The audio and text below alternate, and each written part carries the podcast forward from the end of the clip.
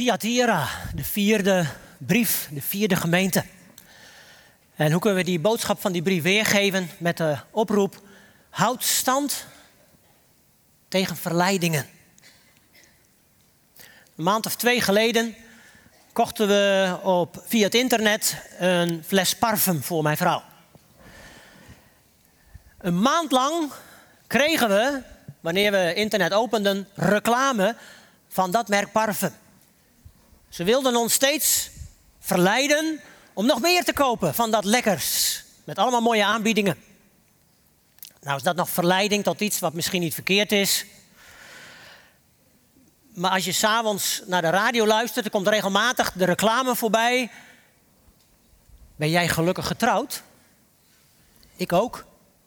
Second love. Een openlijke verleiding tot overspel. En volgens mij, als je daarop ingaat en contact opneemt, geeft dat aan dat je niet gelukkig getrouwd bent. Maar heel veel trappen erin, in de verleiding. Op alle mogelijke manieren komt verleiding op ons pad. Je kunt het niet ontlopen. Hoe gaan we daarmee om? Daarover schrijft de Heer, de Heer Jezus, aan de gemeente van Thyatira. En ik wil met jullie lezen uit Openbaring 2, het laatste gedeelte van dit hoofdstuk, vers 18 tot en met 29. En ik lees het jullie uit de nieuwe Bijbelvertaling. Als je een Bijbel bij je hebt, zoek het op en lees mee als je wilt. Het is de langste brief van de zeven. En daar wordt het volgende geschreven. Schrijf aan de engel van de gemeente in Thyatira. Dit zegt de Zoon van God, die ogen heeft als vlammend vuur en voeten als brons, of als koperbrons, zoals de oude vertaling zegt. Ik weet wat u doet. Hoe liefdevol, gelovig, hulpvaardig en standvastig u bent. U doet nu zelfs meer dan vroeger. Maar dit heb ik tegen u. U laat die Izebel, die zichzelf profetes noemt, haar gang gaan. Terwijl ze mijn dienaren met haar uitspraken tot ontucht en het eten van heidens offervlees verleidt. En hoewel ik haar de tijd heb gegeven om te breken met het leven dat ze leidt, weigert ze haar ontuchtige gedrag op te geven. Ik zal haar ziek maken. En hen die overspel met haar plegen, in ellende storten, tenzij ze met haar breken. Haar kinderen zal ik laten sterven aan een dodelijke ziekte. Laat elke gemeente beseffen dat ik het ben die hart en ziel van de mens doorgrond. En dat ik ieder van u zal belonen naar zijn daden. En tegen de rest van u in Thyatira, al degenen die haar leer niet aanhangen en zich niet hebben verdiept in de zogenaamde verborgenheden van Satan, zeg ik, ik leg u maar één last op. Houd vast aan wat u hebt totdat ik kom. Wie overwint en mij navolgt tot het einde, zal ik macht geven over alle volken. Met een ijzeren herderstaf zal hij hen hoeden. Als aardewerk worden ze verbrijzeld. Ik geef hem macht, zoals mijn vader die aan mij gegeven heeft. En ik zal hem ook de morgenster geven. Wie oren heeft, moet horen wat de geest tegen de gemeenten zegt. Thyatira, ook een van de steden in wat wij nu noemen West-Turkije. Een stad vol van handel en industrie. En de belangrijkste handelsproducten waren textiel, dat daar gemaakt werd. En heel veel textiel dat ook geverfd werd met purper. Een verfstof wat gewonnen werd uit de purperslak van donkerrood tot diep blauw en alle kleuren die er tussenin zitten. En velen van jullie hebben gehoord van Lydia, de purperverkoopster, die in Filippi handelsvrouw was. Zij kwam uit deze stad, Thyatira. Daarnaast was er ook een grote bedrijvigheid voor het vormen, het maken van brons of koperbrons, zoals het genoemd werd. We weten niet precies wat voor mengvorm dat was. Het was een soort metaal wat je goed kon bewerken, waar je van alles van kon maken. Het werd gemaakt in de stad Thyatira. En door al deze handel en industrie was er een uh, heel breed verenigingsleven ontstaan van al die werkers. Gilden werd het ook genoemd. Handwerkslieden die samen bij elkaar kwamen. En het doel waarvoor ze bij elkaar kwamen was meestal om offers te brengen aan de goden. En daarbij werd het offervlees ook gedeeld met elkaar, zodat het ook samen gegeten werd met de offermaaltijden. Daarnaast, deze afgodendienst bracht ook heel veel prostitutie met zich teweeg.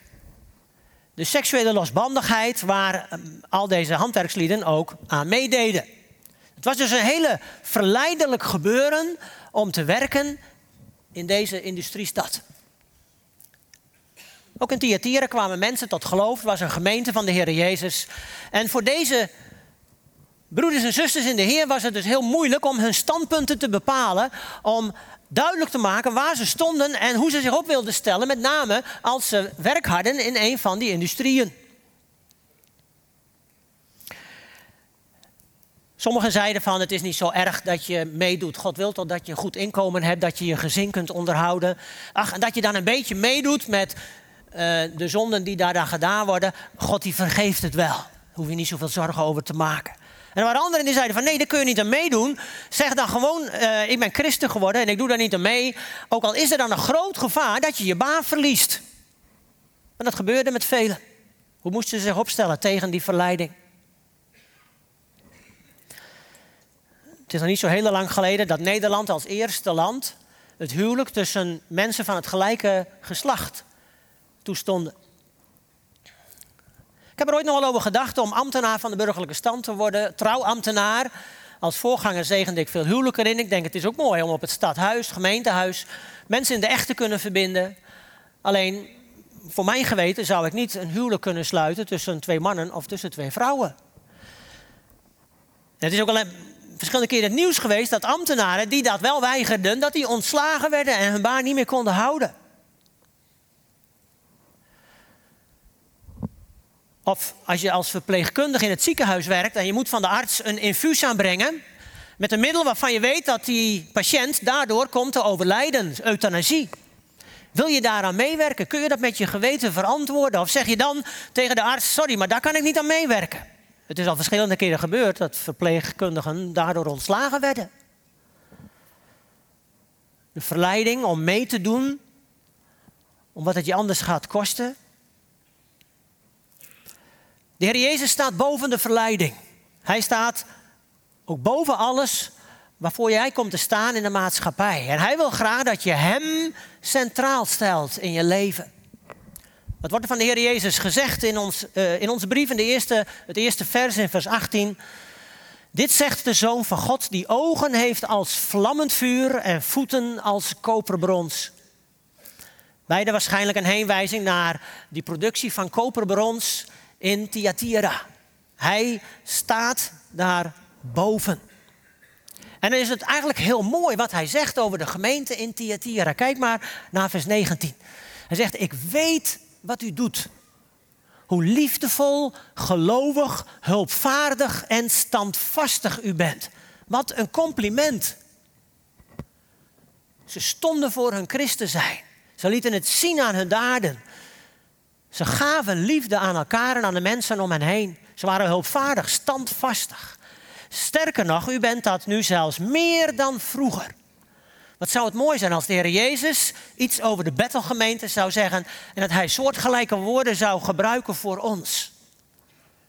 Dat zou ik best wel willen, u niet? Dat is een compliment aan de gemeente van Thyatira. Maar dan volgt er ook iets wat de Heer Jezus graag recht wil zetten, waar hij hen op wil wijzen wat niet goed gaat. Vers 20. Maar dit heb ik tegen u. U laat die Izebel, in de oude vertaling staat, u laat de vrouw Izebel, die zichzelf profetes noemt, haar gang gaan, terwijl ze mijn dienaren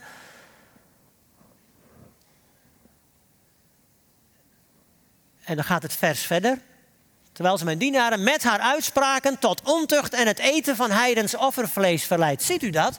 Tot ontucht en het eten van heidens offervlees. Dat was nou precies de verleiding van die gilden, van die handwerksliedenverenigingen waarmee ze de afgoden eerden en samen offervlees aten en ontucht pleegden. Seksuele losbandigheid. En deze profetes, die daar blijkbaar in de gemeente aanwezig was, die vertelde namens de Heer, de Heer had dat duidelijk gemaakt, dat het niet zo erg was om daar aan mee te doen. En ik ga ervan uit dat verschillenden in een gemeente dan ook maar toegaven aan die verleiding. En nu zegt de Heer Jezus, doe dat niet. Als ik eentje weer even terug mag, een slide. Die Izebel wordt ze genoemd, of de vrouw Izebel. En door die uitdrukking gaan we er eigenlijk vanuit dat dit niet haar echte naam was, maar dat het een heenwijzing was naar de Izebel die wij kennen uit het Oude Testament. Izebel, wie was het ook alweer? was de vrouw van Agab. Koning Agab van Israël, ongeveer 900 voor Christus. Uh, Izebel verleidde Agab tot zonde. Ze nam hem mee in het dienen van haar afgoden. Ik neem u even mee naar een vers in Koningen, waar dat aan ons verteld wordt. Agab nam Izebel tot vrouw, de dochter van koning Etbaal van Sidon, en begon Baal te vereren. Baal, de afgod van Izebel. Izebel nam haar afgod mee. En Agab liet zich verleiden. We kennen een aantal geschiedenissen uit het Oude Testament waarbij Izebel Agab verleiden tot de zonde. Denk aan de wijngaard van Nabat, de buurman van het paleis. Agab wilde die wijngaard bij zijn tuin hebben. En Nabat wilde dat niet. En toen zei zijn vrouw van, nou, maar daar kan ik wel eh, je mee helpen hoor. Ik weet wel een paar mensen die een vals getuigenis willen geven, zodat we Nabat kunnen aanklagen. En zo is het ook gebeurd en hij is gedood. En toen kon Agab die wijngaard zomaar bij zijn bezit nemen verleid door zijn vrouw Izebel. En later, als de profeet Elia geconfronteerd wordt met al die Baalpriesters en ze op de berg Karmel offeren, en dat al die honderden Baalpriesters toe moeten geven, er is maar één God, de God van Israël, dan worden al die honderden Baalpriesters worden gedood. Maar dan is Izebel zo woest, dan wil ze Elia om het leven brengen. En Elia is doodsbang. Hij wil zelfs sterven, zo van iedereen is tegen mij. De kracht van Izebel. Als je uh, het opzoekt, wat is nou de geest van Izebel? Dan is de geest van Izebel manipulatie. Wat is manipuleren? Verleiden en manipuleren ligt soms heel dicht bij elkaar. Iemand manipuleren, dat wil zeggen dat je iemand op een uh, handige, listige en vaak bedriegelijke manier probeert over te halen om iets te doen wat die persoon eigenlijk niet wil. Dat is manipuleren. Je kunt het ook noemen emotioneel chanteren. Op gevoelens werken. Heeft u wel eens meegemaakt dat u iets deed wat een ander van u vroeg, wat u eigenlijk niet wilde doen? Maar dat die persoon u zo beïnvloedde dat u het toch deed. Of dat je thuis kwam met iets, je had gewinkeld en dan kwam je thuis met iets. Denk je, ja, dit, hiervoor was ik helemaal niet naar de stad gegaan. Maar het is mij opgedrongen. Een handige marktkoopman, die kan heel goed manipuleren. Die kan je vertellen van dat je dat nodig hebt.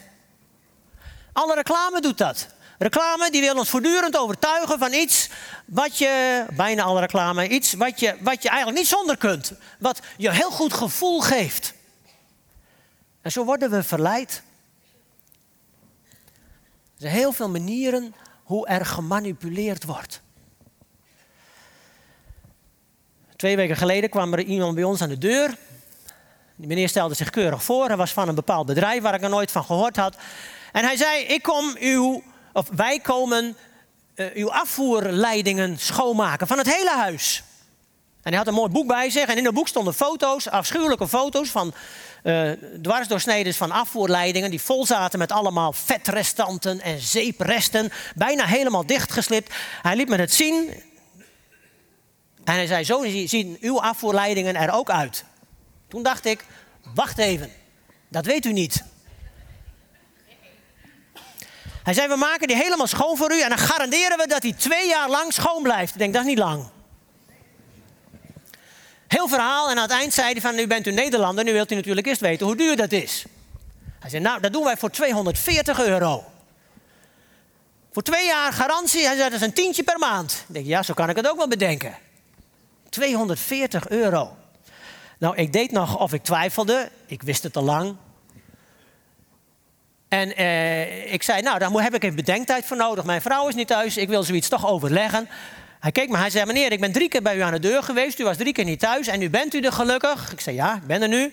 Hij zei, als we twaalf mensen in de wijk vinden die dit willen doen... dan kunnen we het voor die goedkope prijs doen. En we hebben er al tien. Met andere woorden, dit is manipulatie, hè? We missen nu nog en u bent de oorzaak als het niet doorgaat van die andere tien. Dat is op je emoties werken. Dag meneer, zei ik. Uh, heb, hebben ze een kaartje gegeven en ik heb nooit meer contact opgenomen natuurlijk en hij ook niet met ons. Maar dat is manipulatie. Dat gaat zo gemakkelijk. Wist u dat de meeste supermarkten hun producten zo hebben opgesteld in de winkel dat als je de meest noodzakelijke dingen moet hebben, groenten en brood en fruit, dat je dan de hele winkel door moet lopen? Ze zorgen ervoor dat je zo lang mogelijk in die winkel blijft, zodat je zoveel mogelijk dingen koopt. En wees u eens eerlijk, als u een lijstje meeneemt, komt u niet vaak met meer dingen thuis dan op uw lijstje staan? Dat is eigenlijk manipulatie van de supermarkt. Zo werkt het. Een paar maanden geleden werd de sigarettenindustrie aangeklaagd. Omdat de stof die in sigaretten zit manipuleert, zodat je er verslaafd aan raakt en niet meer zonder kunt of wilt. Of kunt en wilt. Het is niet tot de veroordeling gekomen, maar ik vond het wel bijzonder dat het juist genoemd werd dat het manipulatie is door het roken van sigaretten. Ja. Wist u dat kleine kinderen heel goed kunnen manipuleren? Niet allemaal hoor, maar de meeste wel. Dat een jongetje van vijf zegt tegen zijn vader en moeder: U houdt veel meer van mijn zusje.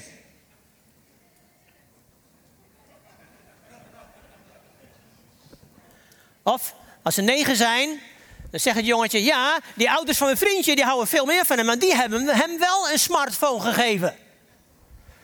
Voelt u, er wordt gewerkt op schuldgevoel. Terwijl het helemaal niet terecht is natuurlijk. Of als ze dan uh, tiener zijn, tieners kunnen, veel tieners kunnen heel goed manipuleren. Dan zegt de jongen van, van, uh, van 15 jaar, ik heb een nieuwe fiets nodig. Maar als jullie mij die nieuwe fiets niet willen geven, tot zijn ouders, hè, dan moet ik wel zwart rijden. Ziet u, de, de argumenten kloppen niet. Maar ze worden wel gebruikt om op het gemoed te werken. Of uh, als jullie niet anders tegen mij gaan doen, dan loop ik weg. Dat is manipulatie. Volwassenen kunnen er ook wat van hoor. Zoals die, die vrouw die tegen haar man zegt van... als je me nu niet helpt, dan hou ik niet meer van je. Het is een hele simpele, maar het is manipuleren. Ja, nu lacht erom. Maar je doet het zelf zo gemakkelijk. Of die moeder die tegen haar kinderen zegt, ze vond dat de kinderen te weinig op bezoek kwamen.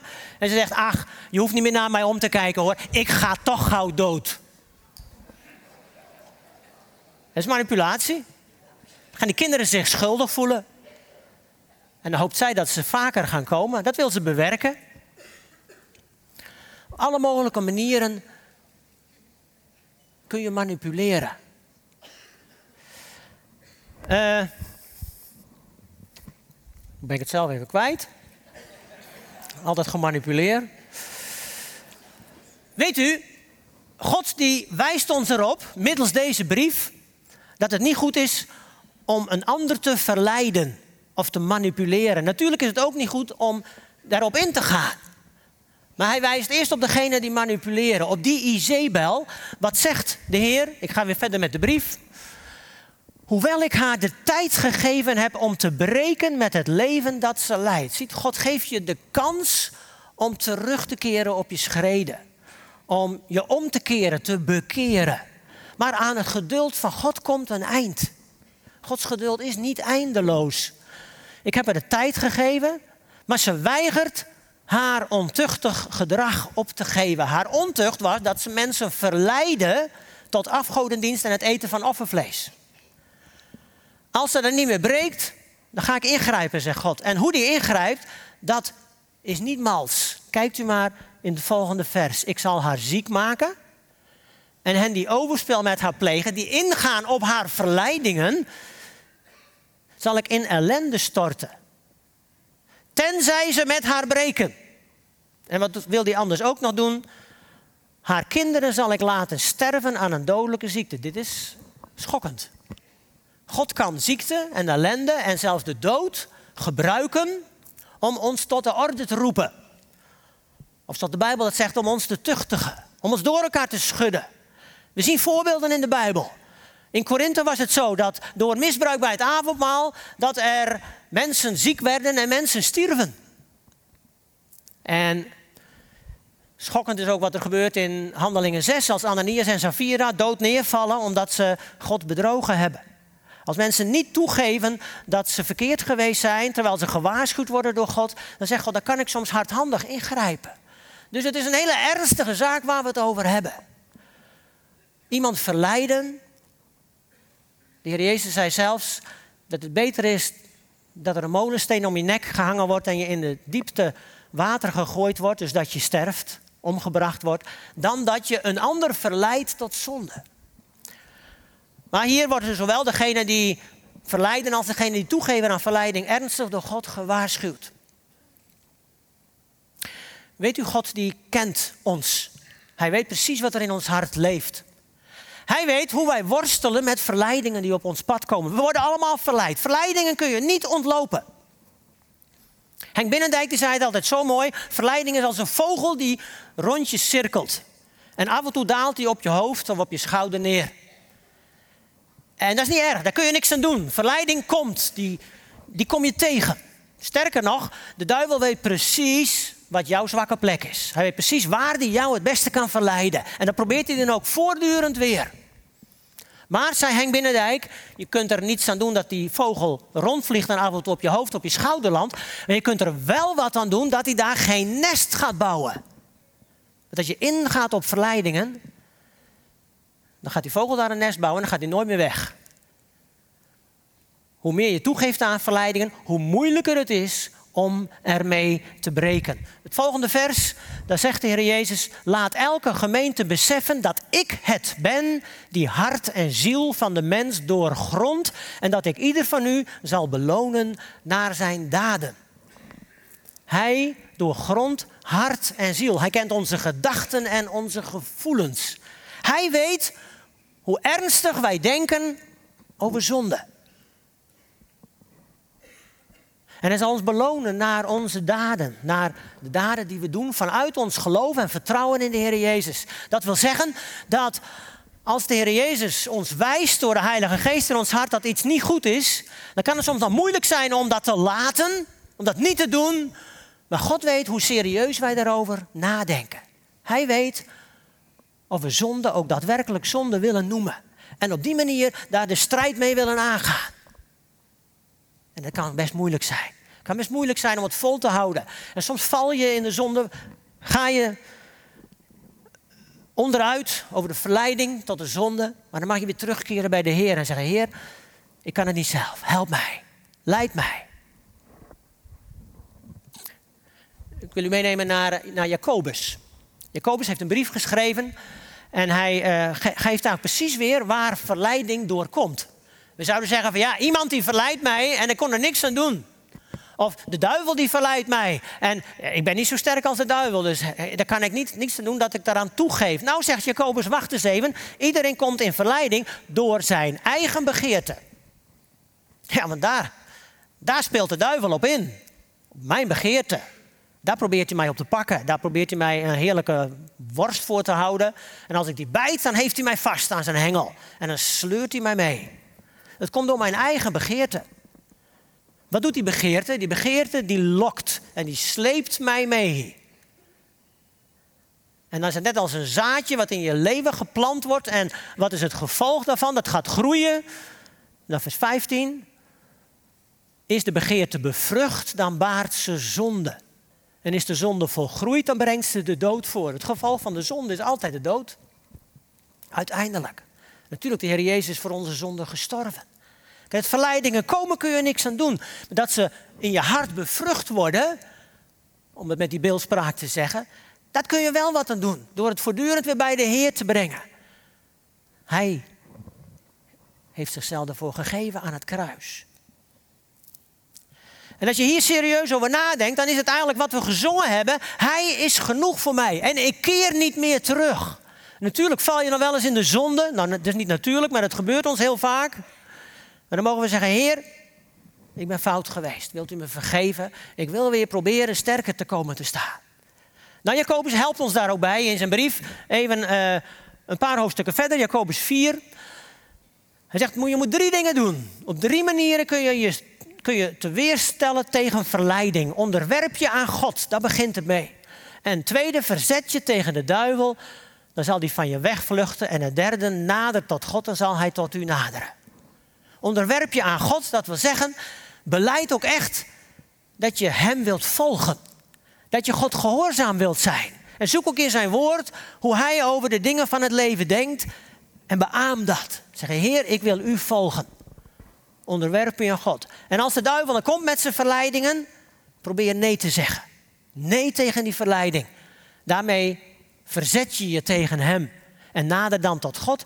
Ga nadenken over de liefde van God, over zijn genade, over zijn vergeving. Maar ook over de kracht die hij wil geven. Nader tot God. Het is als een magneet als je door verleiding toegeeft, dan ga je eigenlijk dichter naar de verleiding toe en dan trekt hij als een magneet aan. En hoe dichter je bij de duivel komt, hoe sterker die trekt. Maar andersom, als je nee zegt tegen de verleidingen en je nadert tot God, je denkt na over zijn liefde en genade, dan is hij de magneet die je aantrekt. En dan zul je zien dat de krachten naar de duivel steeds minder sterk worden. Het is een keuze. Naar welke kant wil je je laten trekken? Dat is best moeilijk. Ik zal een paar voorbeelden noemen. Als ik nu zou vragen, wil iedereen zijn hand opsteken die ooit wel eens een snoepje uit de winkel heeft gestolen. Hoeft u niet te doen. Dan denk ik dat minstens de helft zijn vinger wel omhoog steekt. Je hebt nu ook bij veel drogisten heb je zo'n mooie snoepbakken. Heb je dan, dan kun je dan uh, wat opscheppen in een zakje en meenemen en afrekenen. Maar wat is het verleidelijk als je er langs loopt om even één snoepje te pakken en in je mond te doen. Niemand die het ziet, hoop je. En de eerste keer dan voel je nog heel schuldig. Tweede keer al iets minder. En de derde keer, dan weet je hoe het gaat. Dan weet je hoe het werkt. Denk je, nou, even stiekem. Dat was nou een snoepje. Dat doet een kind wel, hè? Iets ander voorbeeld. Het is bijna 1 mei en dan hoort iedereen zijn belastingaangifte gedaan te hebben. De meeste van jullie hebben dat natuurlijk al gedaan. Het, is, het kan heel verleidelijk zijn om uh, neveninkomsten, uh, die niet door de baas zijn opgegeven bij de belasting, om die niet in te vullen. Wij noemen dat zwart werken. Naast mijn werk hier in de Bettelig gemeente preek ik regelmatig ook elders. En de meeste gemeenten geven dat niet op aan de belasting. Het zou voor mij heel gemakkelijk kunnen om een, een preek die ik ergens gehouden heb waar ik geld voor gekregen heb, om dat niet op te geven aan de belasting. Ik heb dat bewust nooit gedaan. Ik heb altijd de keuze gemaakt, ik geef alles op aan de belasting. En ik weet, als ik dat één keer zou doen met een klein bedrag, dan is het daarna veel gemakkelijker om het met een iets groter bedrag nog een keer te doen en daarna nog weer groter bedrag. Dan word je zo getrokken naar de verleiding van de duivel. God vraagt van onze beslissing: nee, doe het niet. Verzet je tegen de duivel en nader tot mij, zegt God. Als je aan het surfen bent op internet, ik hou van surfen, maar niet op water, maar op het internet. Als je op het internet surft, dan kom je heel gauw, gemakkelijk, kun je op sites komen die niet zo goed zijn om te zien. Dus voor de een dit, voor de ander dat. Laten we eens maar uitgaan van uh, sites met, uh, uh, met porno of seksualiteit. Als je er één keer op zit, dan hebben ze het zo gemaakt dat je zo gemakkelijk mogelijk doorklikt naar een andere site met dezelfde of nog meer van dat soort filmpjes en plaatjes. Het is zo verleidelijk om het even te doen. En dan zegt God, heel praktisch, onderwerp je eerst aan God. Geef aan Hem eerlijk toe hoe Hij daarover denkt. Verzet je tegen de duivel. Durf weg te klikken of nee te zeggen. En nader tot mij, zegt God. Denk na over mijn genade, mijn liefde, wat het mij gekost heeft. Dat helpt. In de strijd die je te voeren hebt tegen verleiding. En ik zou veel meer voorbeelden nog op kunnen noemen. God veroordeelt je niet omdat er verleiding in je leven komt. Hij veroordeelt je zelfs niet als je toegeeft aan verleiding. Maar het kost je wel je open relatie met Hem. Dan zegt hij, beleid het, maak het goed. En dan gaan we samen verder onderweg. Na het uitstapje in Jacobus neem ik u weer even terug mee naar Thyatira. Dan zegt de Heer Jezus, ik leg u maar één last op. Hou vast aan wat u hebt. Wat bedoelt hij daarmee? Hou vast aan wat u hebt. Wat hebben we? We hebben de genade van de Heer Jezus. Het offer wat Hij heeft gebracht, dat heeft Hij ons gegeven. Hij zegt, hou daaraan vast. Dat is het enige wat ik vraag. Meer last geeft Hij niet op. Je zou kunnen zeggen, als je aan regels wilt houden, aan wetten, dat kan zo'n last zijn. Dat je zegt, dat kan ik niet aan. Dat kan ik niet volhouden. Nee, vandaar, leg, leg die last niet aan jezelf of aan elkaar op. Maar hou gewoon vast aan mijn genade, wat je hebt. Dat sleept je er doorheen. En dan komt het mooie. De brief aan Thyatira is de eerste brief van de zeven waarin verwezen wordt naar de toekomst. Naar de wederkomst van de Heer Jezus. Hij zegt, hou vast aan wat u hebt totdat ik kom. Waarom? Omdat het zo bemoedigend is om te weten dat de Heer Jezus spoedig komt. Omdat te weten dat ik binnenkort oog in oog met de Heer Jezus zal staan, mij helpt om nu beslissingen te nemen hoe ik in het leven sta.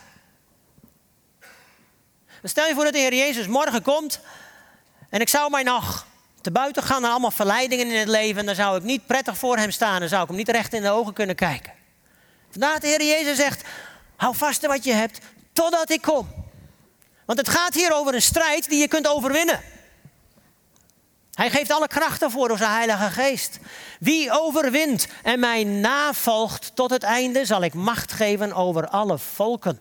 Nou, eerst maar even dit. Wie mij navolgt tot het einde, dan heb je weer het einde, totdat hij komt.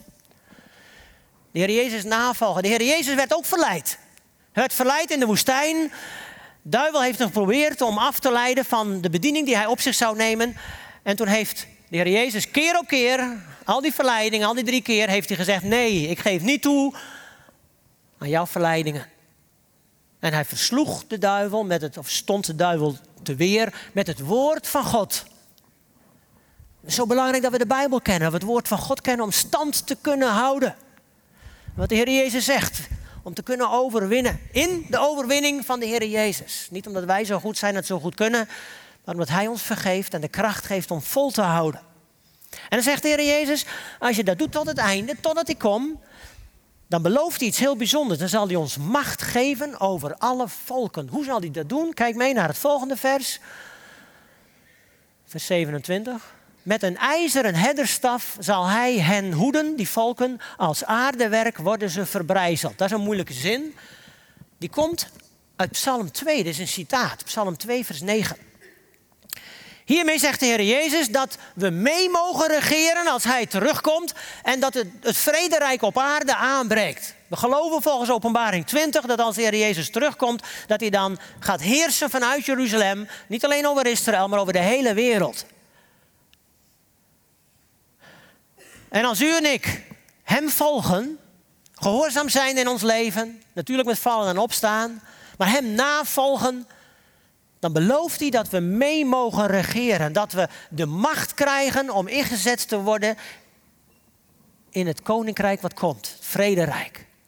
Gods koninkrijk op aarde. Wat een belofte, wat een uitzicht, maar wat ook een aansporing om ons dan ook in te zetten. Er staat veel op het spel. En het laatste wat de Heer Jezus zegt in vers 28 is: Ik geef hem macht Zoals mijn vader die aan mij heeft gegeven. De Heer Jezus heeft gezegd, mij is alle macht gegeven in hemel en op aarde. En die macht geef ik ook aan jullie. Om mee te regeren over deze wereld. Je zou kunnen zeggen, als we in het klein verantwoordelijk kunnen zijn, dan geeft hij ons ook grote opdrachten straks. En dan eindigt deze brief met, en ik zal hem ook de morgenster geven. Daar hebben we van gezongen, hè? de morgenster. Wat is dat, de morgenster? De morgenster, dat is een beeld van Venus.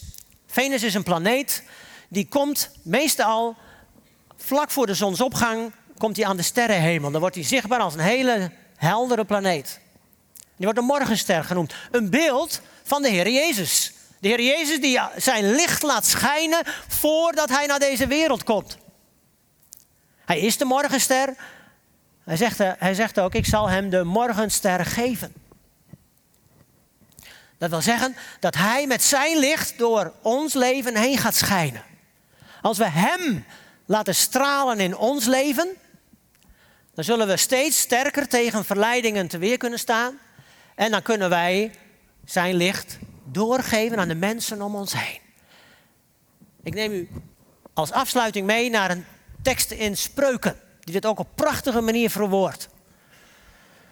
De weg van de rechtvaardigen is stralend als de zon die opkomt, hoger klimt, totdat de dag zijn licht verspreidt. Daar worden wij als rechtvaardigen mee vergeleken. Een is iemand die God wil volgen. Die de principes van God in zijn of haar leven vorm wil geven. En dan worden we vergeleken met de zon die steeds helderder schijnt. En zo mag je een lichtdrager voor de Heer Jezus zijn. Zo mag Hij door jouw leven heen stralen. Als we toegeven aan verleidingen, dan gaat dat niet. Dan wordt het licht gedoofd. Maar de Heer Jezus zegt, ik wil je helpen. Ik wil je alles geven wat nodig is. En als je er niet uitkomt, zoek iemand op die je vertrouwt. Zoek iemand op en bespreek je strijd, zodat je samen kunt strijden, samen in de overwinning kunt gaan staan. Ze mogen elkaar helpen om getuigen van Jezus te zijn. Zullen we samen bidden?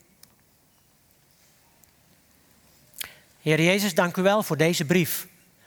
Dank u dat u de gemeente in Thyatira heeft gewaarschuwd met deze woorden. Heer, bijzondere complimenten gaf u aan de gemeente.